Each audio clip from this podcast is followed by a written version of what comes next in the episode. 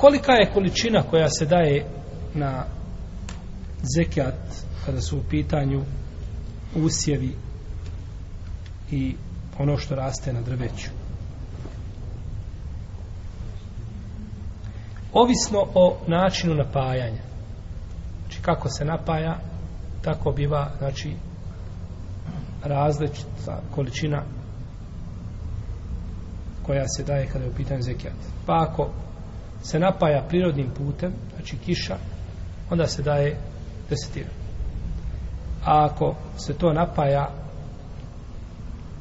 vještačkim putem, znači iz rijeka, pumpe, jezera, bare nije bitno, bunari, pa se pršće i tako dalje, onda je tu petina.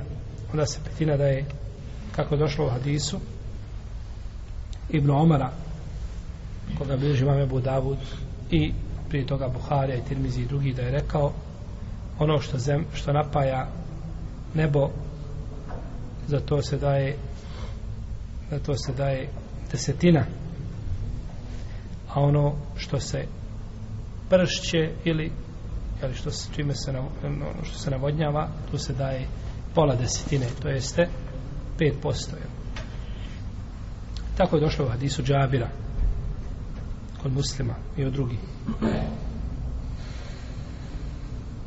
Ako jedan dio godine čovjek imaju obilne padavine, lijepe padavine i znači to je znači prirodan način, jeli?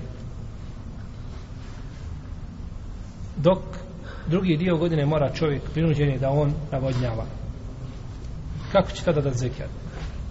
Da je jedan dio godine ima prirodno navodnjavanje, padavine, jeli, a druge godine on to čini. Ako je otprilike popola, tada će dati onda 7,5%. Znači, jer tada nešto imamo, nešto za što treba dati 10, a drugo 5, pa je znači 7,5 ako je isti, znači ovaj isti vremenski period navodnjavanja pještačkog i prirodnog. Ako je jedan dio godine, na primjer, pretežno vezan za padavine, ali se desi da čovjek par puta mora, znači, i vještački prskati, onda učenjaci kažu, Džumhur Uleme kaže da se tada uzima u obzir ono što se pretežno ili na način na koji se pretežno na, na, navodnjava bilje. Jel u redu? Znači, ako je što tokom cijele godine, osim čovjek jedan put ili dva put, tri put radi vještačkim putem, onda ono vještačko otpada.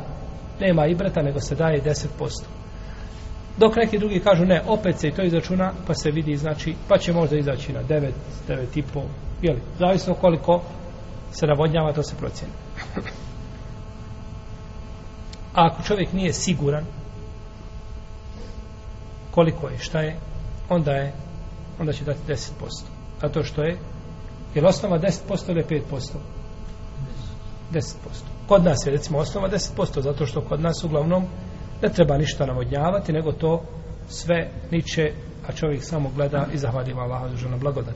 Za razliku možda od nekih podneblja gdje, gdje se uglavnom mora znači koristi vještačko navodnjavanje.